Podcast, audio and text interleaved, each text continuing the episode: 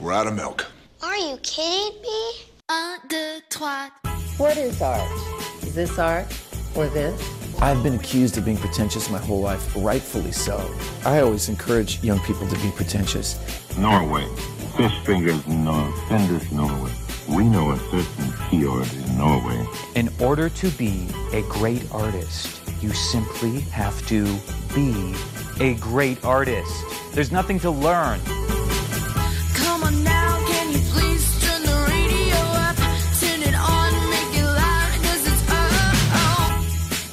Skumma kultur på studentradioen i Bergen. Å gå ut fra din dør og høre dette. Å bli bedt om å ta en selfie med en fan. Å bli sett og få oppmerksomhet. Både når du har lyst til det og ikke. Dette er utrolig fjernt fra vår virkelighet her på Skumma kultur. Der vi blir glad for ti likes på Instagram.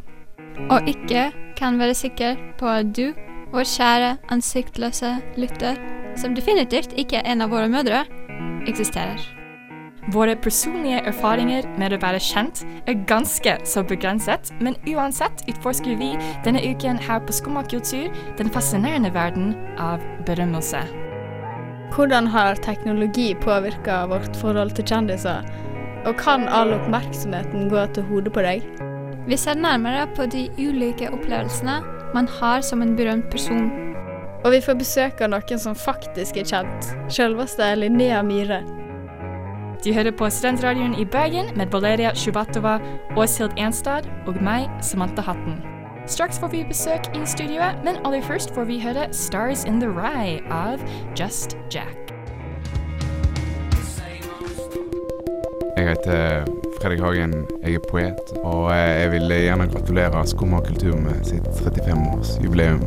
Jeg ser fram til de neste 35 årene.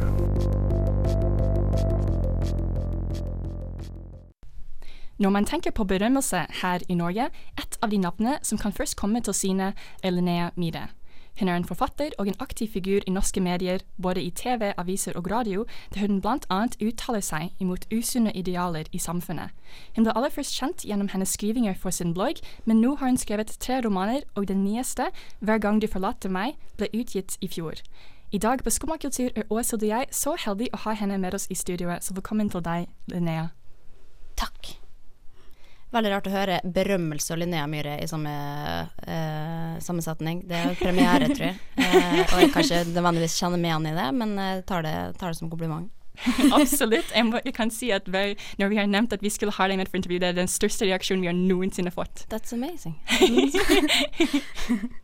um, bøkene dine, Linnea, har jo til sammen solgt rundt uh, 65 000 eksemplarer. Samtidig så blir du jo ofte tett forbundet med tida di som uh, blogger, eller ja, bloggen din. Så jeg bare lurte på hvordan, hvordan er det å forholde seg til, og med tanke på hvordan du blir tatt imot som forfatter, da? Altså hvordan på en måte At, de, at alltid bloggen blir dratt fram, på en måte? Ja. Um, nei, altså jeg syns ikke det er dritfett å bli kalt blogger uh, som først på lista over titler, på en måte, når jeg da anser meg sjøl som forfatter og slutta å blogge for ganske lenge siden. Uh, I hvert fall sånn på daglig basis. Um, men, men, det er jo også helt greit. Det var jo der det starta. Altså jeg må jo på en måte bare forholde meg til det at det er en del av historien, og uten den bloggen så hadde jeg ikke blitt forfatter heller. Um, så jeg lever godt med at, liksom, at noen forbinder meg med det, og sikkert har en romantisk uh, eller nostalgisk idé om ti år siden da jeg var på blogghøyden, på en måte. Men jeg har jo personlig kommet meg ganske langt videre etter det, liksom, og har ikke noe ønske om å ta det tilbake uh, med det første. Mm. Og med tanke på dine tidligere skrivinger for din blogg, også dine tidligere romaner, hvordan forholder du deg til det du har skrevet før? Føler du at noen ganger du um, angrer det, eller føler at du bare legger avstand ved det? Uh, nei, jeg angrer på alt jeg har skrevet, ja. Det, det, gjør jeg definitivt. Og kanskje mer enn folk flest. Uh, veldig mange vi kjenner som driver med enten musikk eller, eller litteratur er jo veldig stolt av det de har skrevet og lest det igjen og syns det er helt fantastisk. Mens jeg, når jeg ferdig med noe, så skammer jeg meg helt enormt. Så jeg kan knapt liksom dra på Bokbadet og lese et kapittel uten å uh, få helt uh, panikk. Um, men jeg har jo lært meg å gjøre det. Men det er sånn hvis noen spør meg om Kan du lese dette kapittelet fra den boka, så sier jeg nei, det kan jeg ikke. Jeg kan, det er en, ett kapittel jeg kan, for det har jeg lært meg at det må jeg tåle. Uh, så det du spør meg om, det er helt uaktuelt. Og det samme gjelder nok også bloggen. Eh, jeg vet jo at det ligger mye drit ute, på en måte, som jeg ikke syns er gøy i dag, men som jeg syns var gøy da.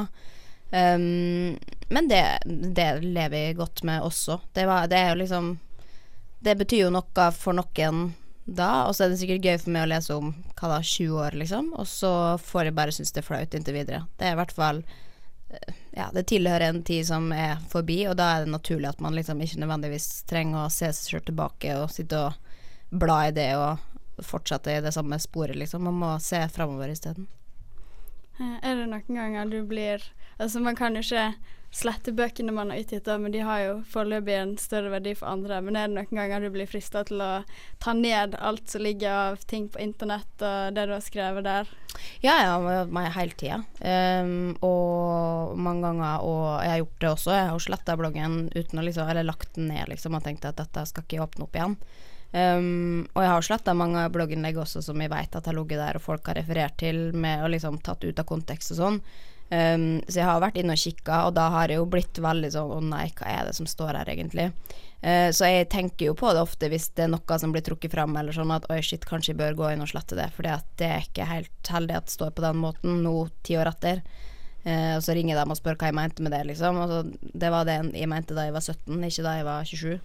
Um, så um, det er en litt sånn vanskelig greie, men jeg tenker ofte på at de skal gå liksom Eller at de skulle hatt det ugjort, eller sånn, men samtidig så kan, jeg Det er jo ikke noe Jeg kan jo ikke angre på det heller, at det, det er allerede gjort. Jeg kan ikke ta det tilbake. Og hvis det er ikke så fristende for deg å lese på det du har skrevet før, hvordan forholder du deg til selve prosessen av å skrive nå?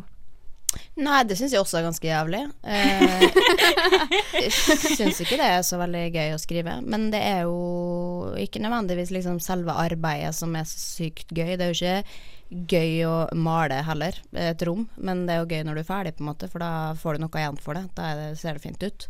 Eh, så arbeidet er ikke så veldig gøy for meg. Noen ganger så kan det være gøy når jeg er ferdig for dagen og føler at «Å, shit, i dag så fikk jeg til et eller annet bra. Um, men også våkne dagen etterpå og tenke bare å herregud, hva var det jeg skrev i går? Så det er veldig sånn dagsformbasert. Og så noen ganger så føles det veldig bra når jeg er ferdig, og, noen ganger, og så går det nok en uke til, og så er jeg bare skamfull igjen. Så det er liksom en litt sånn der utakknemlig ja, et yrke å ha også, da. Det er veldig sånn i hvert fall for meg. Altså, ganske blanda og mest skamfullt på en eller annen måte. Men så, så gjør du det likevel. Så det må jo bety et eller annet og være litt gøy likevel. Mm.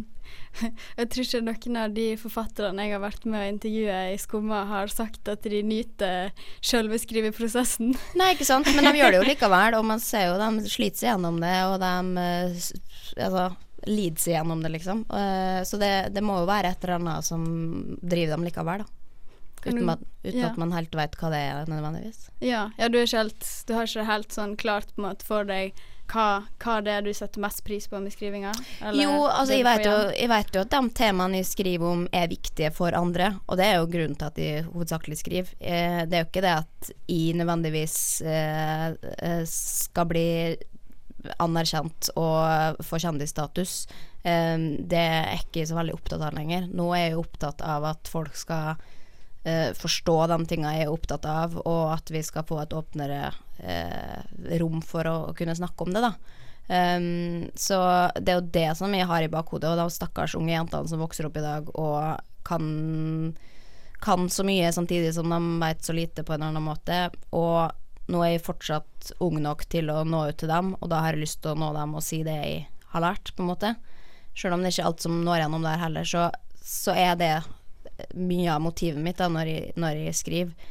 Så og spesielt med den siste også, som jeg følte ikke var liksom god nok, for at jeg følte at åh, dette kommer anmelderne til å hate, og dette er ikke bra nok og sånn, men samtidig så visste jeg at det var viktig for mange unge jenter å lese en slik historie eh, fordi at det er gjenkjennelsesbart, da. Um, og da, sjøl om jeg egentlig ikke hadde lyst til å publisere det, så gjorde jeg det likevel fordi at jeg visste at noen kom til å sette pris på det. Um, så noen ganger, eller stort sett så vinner den ja, den driven, da, heller enn liksom ja, det derre personlige for meg, hva det betyr for meg, liksom. Eller for uh, min, min uh, posisjon, holder på å si. Mm. I tillegg til å skrive bøker, da. Du sier jo at en av motivasjonene dine er budskapet. Og du har jo flere ganger engasjert deg i samfunnsdebatten nettopp med forskjellige tema som handler om presse mot de unge i dag, og treningspress og skjønnhetspress og forskjellige ting. Så hva, hva er det som driver deg til å eh, kaste deg inn i de debattene og ja. Først og fremst så må jeg bare si at det uttrykket liksom kroppspress og ja, press altså Det blir et litt sånn slitt begrep som, jeg, som man er litt lei av å høre, tror jeg. Eh, og at vi snakker så mye om at det blir liksom bare At det blir ubetydelig til slutt. Men eh, altså ansvar Jeg har ikke noe mer ansvar enn andre, på en måte, men eh, jeg ser jo at folk sier fra, men de blir jo ikke hørt fordi de ikke har en, en sterk nok stemme, på en måte. Fordi de ikke har eh, like mange følgere, eller Altså, så jeg har et, et, eh, et rom å, å på en måte ytre meg i, da, som blir hørt. Og, eh, og derfor føler jeg at noen ganger så, så har jeg faktisk et ansvar. For hvis jeg ikke sier det også, så vil det bli oversett, og da på en måte fortsetter det å være greit. Um, men det er jo veldig mange ganger jeg holder kjeft også fordi at det koster, koster meg personlig litt for mye. Um, det er jo ikke sånn at de sitter hjemme og lurer på hva de skal si fra om nå fordi at de har lyst på oppmerksomhet, for jeg har jo ikke lyst på den oppmerksomheten. Hvis jeg hadde lyst på oppmerksomhet, så kunne jeg kommentert akkurat hva som helst hver eneste dag, liksom, og fått en eller annen oppmerksomhet for det. Det er veldig lett hvis man først har en stemme, så kan du si et eller annet dumt, og så er det en sak om det. Um, men det er jo ikke det jeg er opptatt av. Jeg er jo opptatt av å ha en stemme for det som er viktig. Eh, men likevel så er det jo folk som blir irritert på meg fordi at de gidder å si fra. Um, og derfor vegrer jeg meg mer og mer for det. Og det er jo litt dumt at liksom det som er godt meint, da, blir møtt med liksom Hold kjeft, dette har du sagt tusen ganger før. Men jo, men det har ikke skjedd en forandring, så derfor må man si fra en gang til. Um, og derfor av og til så føler jeg meg litt aleine i det. Uh, det er ikke like mange som tør å si fra, eller så er det rett og slett ikke like mange som, som blir påvirka eh, på samme måte, eller eh, som har en posisjon, da, eller som bryr seg om de temaene jeg gjør. Så jeg, jeg har jo en viss erfaring innenfor ja, kropp og, og følelser rundt det, og spiseforstyrrelser og sånn, og det vil jo bruke min erfaring til noe positivt, da, eh, for å forebygge og sånn. Um, men um, det er, det er vanskelig, gitt, av og til. eh, å Ja, det skulle, passe på alle. Fordi at det blir litt sånn der politi også, og det syns jeg er så innmari kjip rolle å ha. Absolutt. Og det høres utrolig uh, vanskelig ut å måtte velge når du sier fra, og når du holder kjeft. Noe. Ja, for vi veit at liksom, hvis vi sier fra, så, så, så venter det liksom ti telefoner uh, som jeg må svare på, som jeg egentlig ikke har lyst til å svare på, for da jeg har ikke kontroll over det sjøl. Eh, og så må jeg tåle et motsvar som sier at de er dum, så, eller plagsom eller oppmerksomhetssjuk, og så tar jeg det veldig personlig. Uh, Når egentlig det var bare godt meint. Og så, ja, og så begynner ballen å rulle. Og, så, og det er ikke av og til at jeg er liksom helt sånn uh, mentalt rusta for, da. Så jeg må manne meg ganske opp, eller kvinne meg ganske mye opp, før jeg, eh, før jeg gidder noen ganger. Mm. Men det er utrolig flott at du gjør det, og at du snakker åpent og så direkte i samfunnet om disse virkelig viktige sakene. Ja, og det er jo det er hyggelig da at folk sier det også, Fordi det er jo det som Hvis jeg hadde bare sagt fra gang på gang, og så er det liksom ingen som hadde sagt noe 'takk for at du tok den', på en måte, så hadde jo det ikke betydd noe for meg heller. Men det får jo bekrefta gang på gang når jeg sier noe, at folk takker, og at eh, jeg er glad for at du har den stemmen ikke jeg har, på en måte. Og det er jo det som driver meg også til å kunne faktisk ja, fortsette å snakke på vegne av andre, da. Mm. Og det skjer også i dine skrivinger, som vi skal fortsette å snakke om straks. Men aller først får vi høre David Bowie med 'Fame'.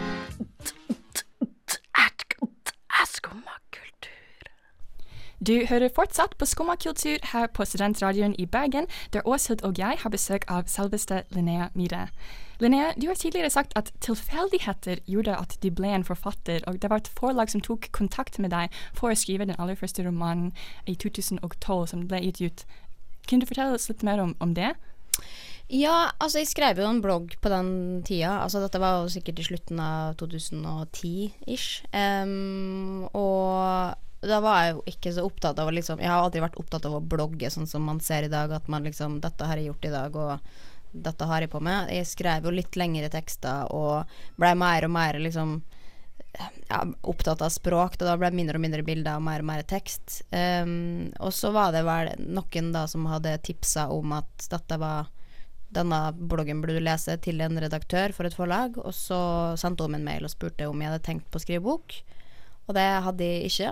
Eh, Jeg var veldig deprimert på det tidspunktet og tenkte at jeg ikke skulle leve mer enn et par måneder, så da tenkte jeg bare det kommer sikkert ikke til å funke uansett.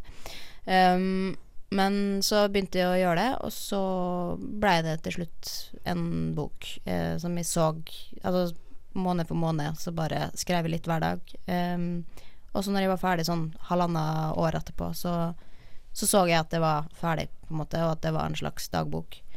Um, så det var veldig tilfeldig, og jeg tror ikke jeg hadde valgt den veien sjøl, men det er nok fordi at det er litt vanskelig å på en måte skulle bestemme seg for å skrive bok, og så liksom kontakte et forlag og hei, vil du gi ut boka mi.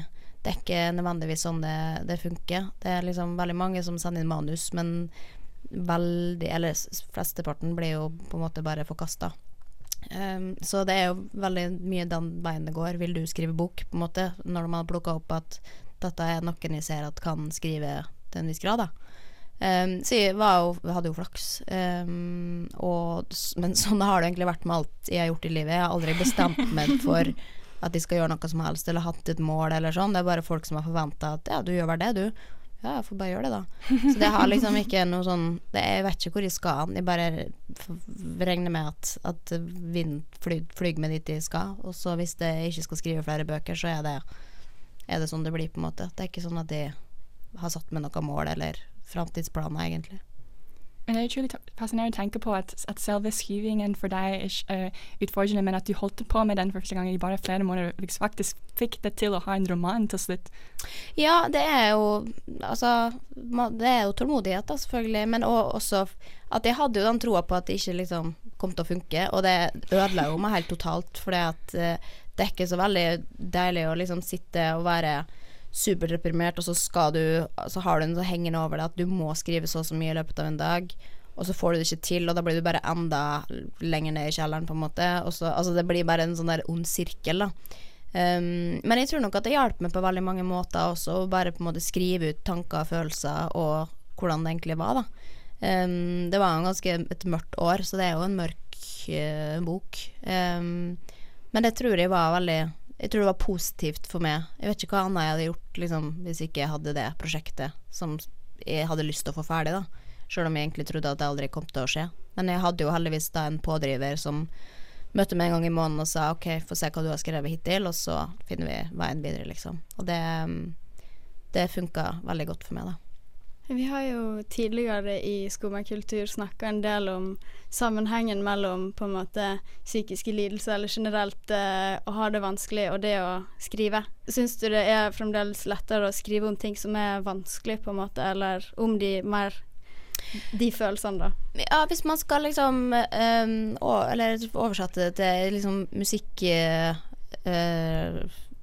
Musikk generelt, da. Altså man Jeg tror nok at musikere syns det er lettere å skrive når de er trist enn når de er lykkelige også. For det er jo flere sanger om Eller flere gode sanger om liksom kjærlighet, eller vanskelig kjærlighet, og, og ting som er vanskelig, enn det er liksom happy songs som I love my life og my wife and kids, liksom. Altså det er jo eh, Man får mye mer inspirasjon, tror jeg, og liksom eh, behov for eh, For å få det ut når man har det kjipt. Og det opplever jeg også veldig, at når jeg liksom vent, altså Det er nesten at jeg liksom sånn konst- konstruerer vanskelige situasjoner fordi at jeg har lyst til å ha noe å skrive om. Og nå føler jeg sånn, nå er jeg inne i en veldig god, sånn stabil fase i livet hvor alt er liksom veldig bra og greit for første gang på veldig lenge. Og da er sånn ingen behov for å skrive whatsoever. Og det jeg skriver, er bare sånn Altså, hvorfor gidder jeg å prøve i det hele tatt, liksom?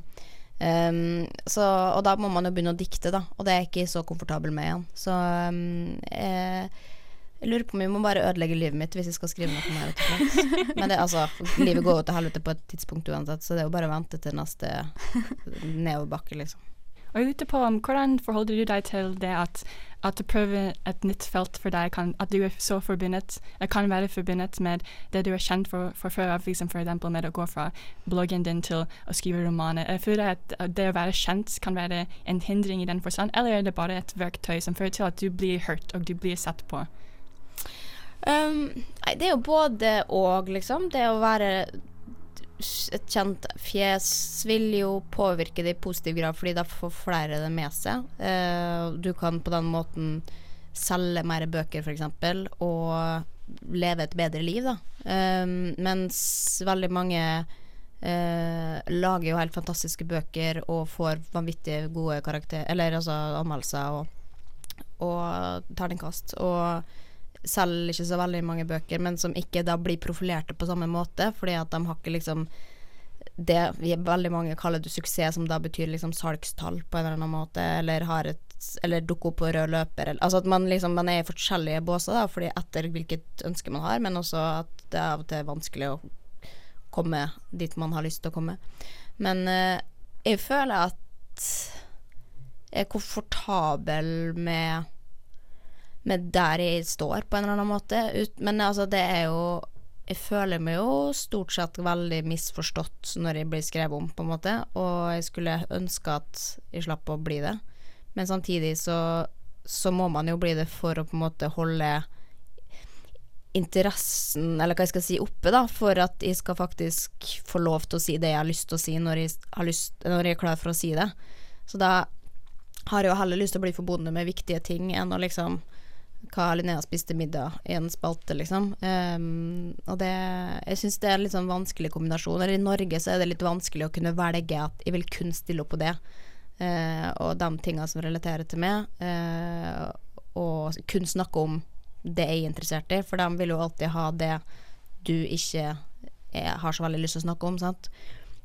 Så det er en sånn vanskelig, vanskelig balanse da, å holde. Um, men jeg, jeg, prøver så godt jeg kan. Jeg, men jeg tror at jo eldre jeg blir også, jo, jo bedre kommer jeg til å bli på det. Når man er litt ung, så er man jo litt sånn oppmerksomhetssjuk og med på, på det folk spør om, liksom. Og det kan man jo angre litt på i etterkant. Uh, det ser jo liksom et tidlig intervju med meg også. Jeg, har jo ikke, eier jo ikke skam, liksom.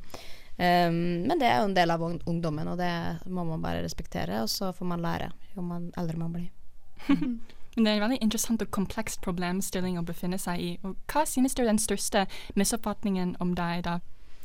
Når du blir Um, omtalt? Nei, altså um, Det er jo dette som sitter igjen der med at jeg er sint, da. Uh, jeg, at jeg har hatt liksom det stempelet siden jeg blogger. Og det, altså, det er jo en viss sannhet i det. Jeg har jo jeg framstilte meg jo på den måten sjøl, jeg kan jo få det sjøl. men jeg er jo alt annet enn sint, egentlig. Jeg er nok veldig kritisk og skeptisk, og jeg går jo rundt og ser sint ut. Men når folk snakker til meg, så er jeg jo veldig hyggelig, stort sett. Um, mindre de er fæle mot meg. Uh, så det tror jeg er den største misoppfatninga. Men altså, jeg, jeg bygger jo opp under det sjøl også, når jeg da ikke smiler på bilder, og at det, det blir en liksom karakter, da. Så det kan jeg jo for sjøl. Um, men det har jeg jo blitt bedre på når jeg har blitt eldre, og greid å vise flere sider av meg sjøl også.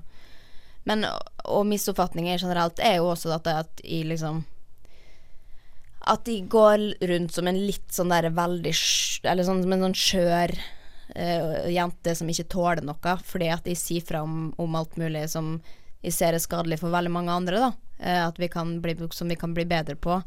Så tror de at de sier fra fordi de ikke, ikke tåler det. Jeg tåler det, jeg har lært meg å tåle det fordi at jeg har stått i det, liksom. Jeg har hatt masse eh, profesjonell hjelp på å tåle det.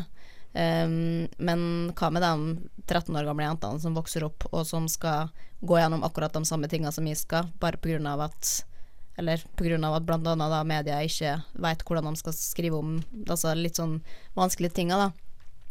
Eh, og det føler jeg er en sånn veldig sånn misforståelse, at, de da, at det er I som at jeg må, må skjermes, på en måte. At de da sier ja, men kanskje du bare slutter å lese, kanskje du bare Altså, nei, altså, jeg kan, jeg kan slutte å lese hva som helst, men da, de andre kommer ikke til å gjøre det. Så det er liksom At de sier fra på vegne av, av andre, det er liksom før at folk oppfatter som at de sier fra fordi at jeg ikke tåler det.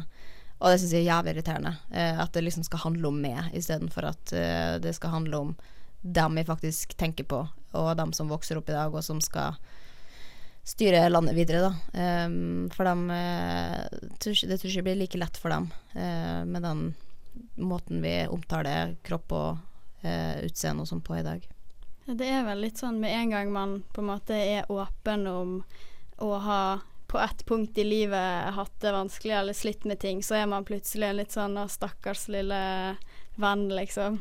Ja, og jeg også som har vært på en måte den der stakkars lille vennen i eh, så mange år. Altså når jeg kom med Evig søndag i 2012, så var jo jeg eh, en liten pinne. Eh, veldig, veldig undervektig og så syk ut, eh, men sto hardt i det likevel, på en måte.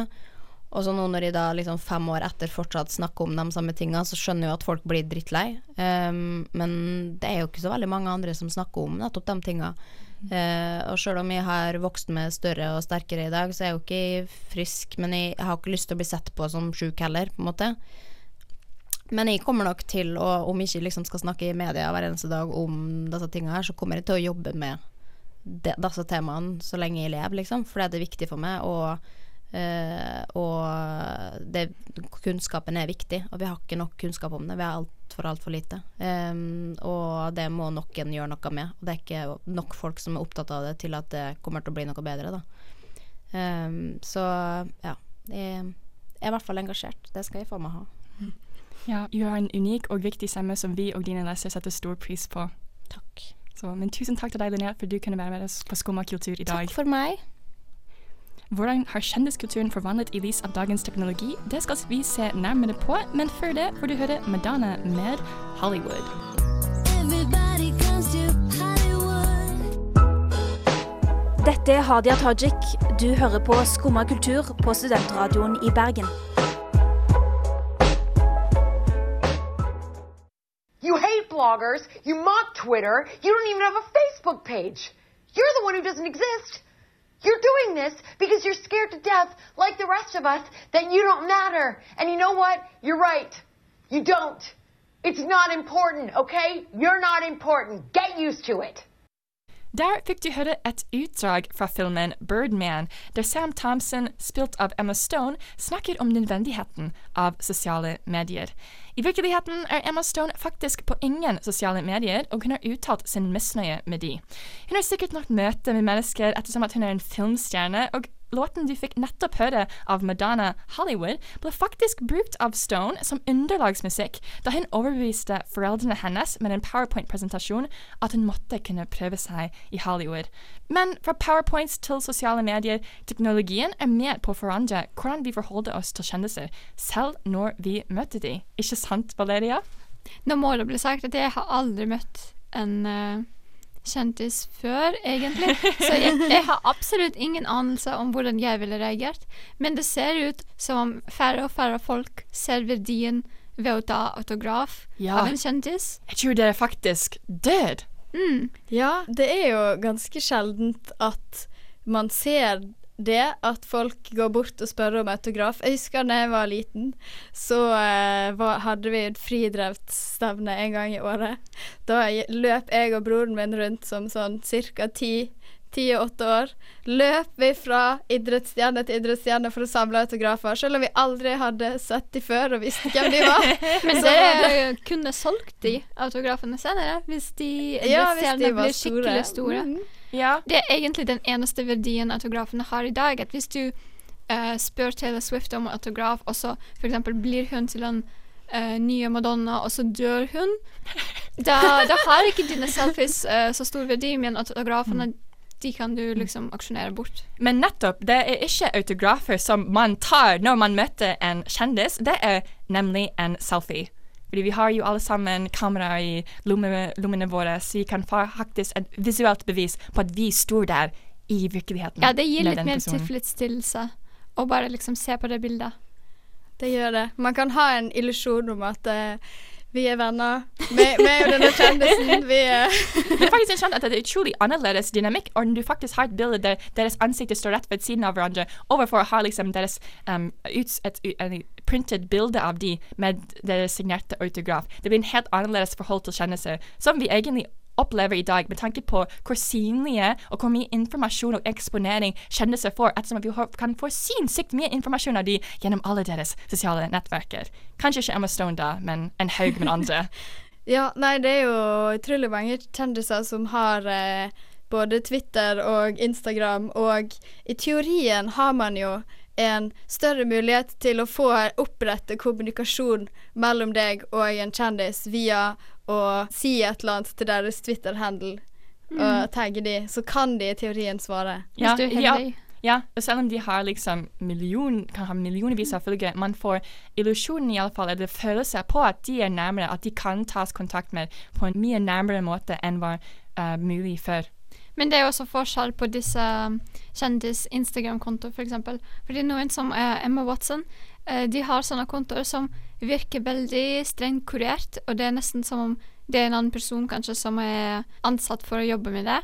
Mens noen har liksom mer personlig konto, og da er det kanskje mer sannsynlig at det er de som kikker på den selv, og liksom da kan de faktisk se meldingen din. Ja, absolutt. Og med tanke på folk som eksempel Kim Kardashian, som har sagt selv at hun legger ut alle postene hennes selv, at, Mm. uh, og kunne bli ansatt som en sosial mediegeni. Og det er egentlig sosiale medier for mye til grunn for at hun ble uh, det fikk den status som hun har nå, da, at hun har uh, funnet ut hvordan å bruke den på den mest fordelaktige måten. De har skikkelig mye makt i dag. Mm. Og modellbransjen blir også forandret uh, pga. Instagram. Jeg har lest at nå er det um, ikke de beste modellene, eller de modellene som designere liker best, som får jobbene, men de som har mest followers. Det er faktisk livsviktig for dem å ha det kontoet oh, det høres stressende ut. Mm. Det var interessant at den medien kan bli brukt på den måten. Det er jo virkelig det. Og det er noe med det, altså. Det er en helt egen appell når du faktisk kan tro på at det er eh, kjendisen sjøl som driver kontoen. Stephen Fry sletta jo på et punkt sin Twitter-konto. Han var vel på et punkt blant de mest fulgte kontoene på hele Twitter, med flere millioner følgere. Wow. Eh, jeg tror det var tre millioner eller noe sånt. Men eh, det ble det ble for masse drit. for masse notification, for masse eh, støy iblant det som faktisk kunne vært interessant å forholde seg til for han.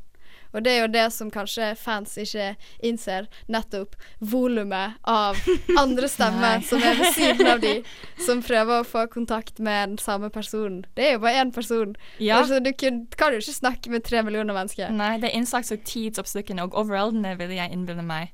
Mm. Og en annen kjendis som har liksom nektet å bli med i en aspekt av den nye sosiale medier viser i dag, er Aziz Ansari, fordi vi kommer aldri til å kunne få ta et selfie med ham. Han har faktisk tidlig sagt at når vi har blitt spurt om det på gaten, han sier nei, sorry, jeg gjør ikke det, men jeg vil gjerne snakke, liksom, hvor kommer du fra, liksom, hvem er deg? Og han prøver å bli kjent med hans uh, fan, og heller har en connection med de overfor bare de det overfladiske bildet, og så går man videre, og så Jeg lurer, jeg lurer på om han kommer til å bli utbrent. Uh, ja, det, da jeg hørte det, liksom, å, så, det høres veldig sjarmerende ut, og, liksom, og veldig sånn uh, Men det ender æreverdig, vel men, uh, slitsomt enn å ta en selfie. Ja, det er jo Eh, mye mer effort på en måte. Ja. Men det, det høres det, det er en veldig sånn fin historie, en veldig fin ting å kunne, kunne gjøre. For det er jo altså For en kjendis må det jo være utrolig utilfredsstillende å bare ha folk som på en måte kommer opp til deg og egentlig ikke ser deg inn i øynene omtrent, men bare vil liksom få det øyeblikket der de kan liksom se at Mm. Hei, se på meg, mitt kule liv. Jeg, jeg har kjendiser som er i bakgrunnen av mitt Eller, ja, eller Og jeg har sett utrolig mange sånne selfies med kjendiser, hvor uh, den personen som ba om selfie, da den personen ikke smiler engang. Og de har gjerne sånne litt tilfeldige ansiktsuttrykk. Så det, det føles veldig som om det ble bare tatt veldig fort, på en måte.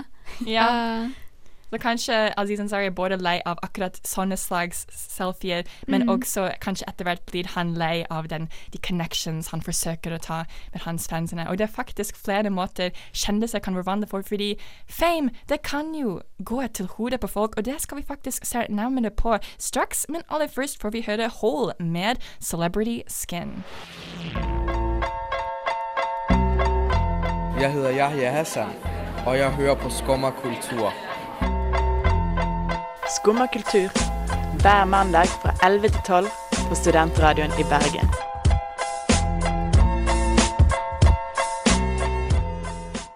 Berømmelse. Det kan gi oss anerkjennelse, muligheter som åpner, og muligens midler beyond your wildest imaginations. Men kan det også gi oss et ganske så uheldig egoboost? Hvordan går man frem i møte med så mye oppmerksomhet? Går det an å holde hodet kaldt, Valeria?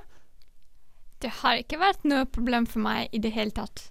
Men jeg skjønner jo at det finnes svakere mennesker enn meg. Nei da. Nei da. Finnes ikke svakere mennesker.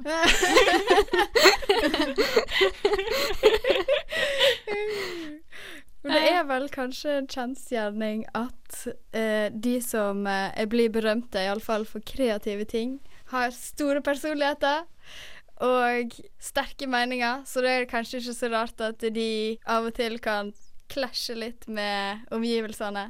Og samtidig så tror jeg det er ganske avhengig fra person til person av hvordan de forholder seg til denne berømmelsen.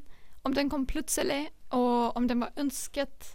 Fordi det er ikke alle yrker som uh, nødvendigvis fører til at man blir kjent, men kan, man kan bli kjent. Jeg tenker f.eks. på Stephen King. Han var forfatter i utgangspunktet, og forfattere de, de, de kanskje ikke blir stoppet på gaten uh, like mye som skuespillere og sånt. Men han er jo ganske kjent, så jeg tror han blir stoppet. Men hadde han lyst på det? Det er ikke helt sikkert, med tanke på hans yrkevalg, faktisk. Og samtidig så tenker jeg på sånne idol-kjendiser som faktisk har lyst til å bli kjent, og det er en, kanskje en annen type holdning til liksom hele berømmelsen. Ja, absolutt. At det Mm. kan variere så vanvittig mye. Men igjen, det er litt vanskelig å si hvordan det kommer til å påvirke en person når man blir kjent. Fordi det, det kan jo også være at man er helt uforberedt på det, og bare liksom Det går på hodet på deg, og Og særlig med tanke på eh, barnestjerner, og å se hvor ufattelig mange retninger de tar seg. Noen av de går, de går helt ad undas fordi etter karrieren sin, og noen av de faktisk klarer seg kjempefint og blir kulere eh, når de er voksne. At det virker nesten at det er veldig vanskelig å få det. Man kan ikke få en slags, slags fasit på det. Liksom, hvordan finner man ut at man kan kunne klare det? Nei, med barnestjerner så er det jeg, jeg føler meg egentlig kanskje litt bedre for de som faktisk ikke ble kjempestore stjerner, men som eh, heller fikk seg helt vanlige jobber. Som uh, for eksempel han gutten som eh, spilte eh, sønnen i Ondskapens eh, hotell. Eh, han jobber nå som biologilærer. Og, det, og jeg bare jeg leser det og tenker kanskje det er for det beste. Ja, kanskje Bare- noe well-adjusted. og- Ja, bare se på Macaulay Culkin. Og liksom, det har han unngått, i hvert fall.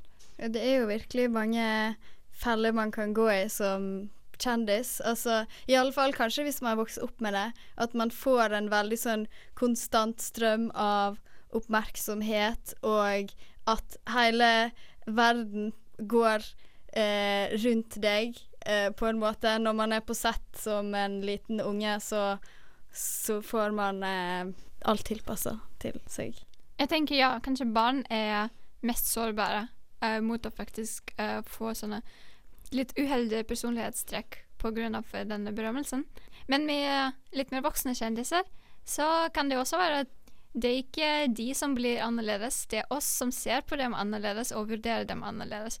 Fordi jeg vet f.eks. at dersom paparazzi hadde fulgt meg uh, sånn 24 timer eh, per dag og alle dager i uken, eh, så ville de funnet på noe som Og jeg tror de fleste av oss har sånne ting som vi vil helst at hele verden ikke skal få vite. Men med kjendiser så har de faktisk ikke denne muligheten å gjemme det. Ja, absolutt. Og de gir vekk en del av sin privasi, men samtidig er det mange fordeler og et privilegium til å være kjent, så det er, det er sånn luksusproblem. Eller det kan være det til en viss grad, Mm. på en måte. Ja da, privilegiene de er jo ganske åpenbare. Det, det er jo en ganske sånn rar situasjon å være i, da. At man har så mange mennesker som har lyst til å si til deg at de elsker deg mer enn de kanskje elsker noe annet på denne jord, og at du har en sånn konstant uh, tilgang til en slags på en måte tilbakemelding som alle mennesker kanskje egentlig ønsker, selv om det er falskt fordi de ikke egentlig kjenner hvem du er Mm. på ekte. Og at det blir en litt sånn rar dynamikk der. Og man er også særlig sårbar hvis man har aldri fått noen slags oppmerksomhet eller anerkjennelse før. En veldig morsom essay jeg er glad i av, av dramatikeren Tennessee Williams heter 'Author and Director A Delicate Situation', skrevet i 1957, der han snakker om de tre ulike faser dramatikere går gjennom uh, det å utgi skues på første gangen. At den første fasen innebærer en ganske sånn uselvsikker og nølende dramatiker som er bare så glad for å få noe um, deres stykke oppsatt og bli enig på hva som helst, eller på det meste. Altså så nest andre fasen, etter man har fått en viktig suksess, da er man kanskje litt for sikker på seg selv, og han sier at det er en fare for at uh, dramatikeren tror i den andre fasen at all ideas but his own are threats to the integrity of his work. Og at han sa at det er nødvendig å eventuelt ha en veldig viktig feil, eller en, en important failure, slik at man kan gå til den eh, moden tredje fasen, der man faktisk kan nyte den kollaborative prosessen innenfor teater, der man kan faktisk høre og lære fra alle de andre kreative synspunkter rundt seg. Og han sier også at av og til er det ikke nok med en failure. Av og til må man faktisk ha to eller tre. Men til slutt så burde man kjenne at, uh, at collaboration hjelper. Ja, og at han sa at des, den, den uh, prosessen kan skille de dårlige skribenter ut ifra de bedre, fordi folk bør kunne nå den tredje fasen etter hvert. Så hå- forhåpentligvis er det en positiv måte man kan bli påvirket på etter å få oppmerksomhet. At man kan, det kan være ganske turbulent da, men at man kommer seg til et sunt punkt. Ja. Vi nærmer oss slutten av sendingen, men før det får du høre The Buggles med Video Killed the Radio Star. Der fikk du høre The Buggles med Video Killed the Radio Star. Og det var alt vi rakk denne uken her på Skumma kultur. Nå er det ingen snakk om Radio Stars her i studio, men det har ikke hindret oss på å komme med tanker rundt stjernetilværelse. Vi fikk besøk av Linnea Myhre, som fortalte oss om hennes stjernetilværelse. Tidligere medlemmer av Skumma kultur har jo blitt kjent, men vi kan jo ikke la navnet av programmet gå til hodet på oss. Nei, for hva hadde mødrene våre sagt? Jeg er jo ikke helt sikker på om de hører på heller. Men vi har deg, kjære lytter. Neste uke tar vi for oss 17. mai og alt som er rundt det å være norsk. Inntil da Ha det bra!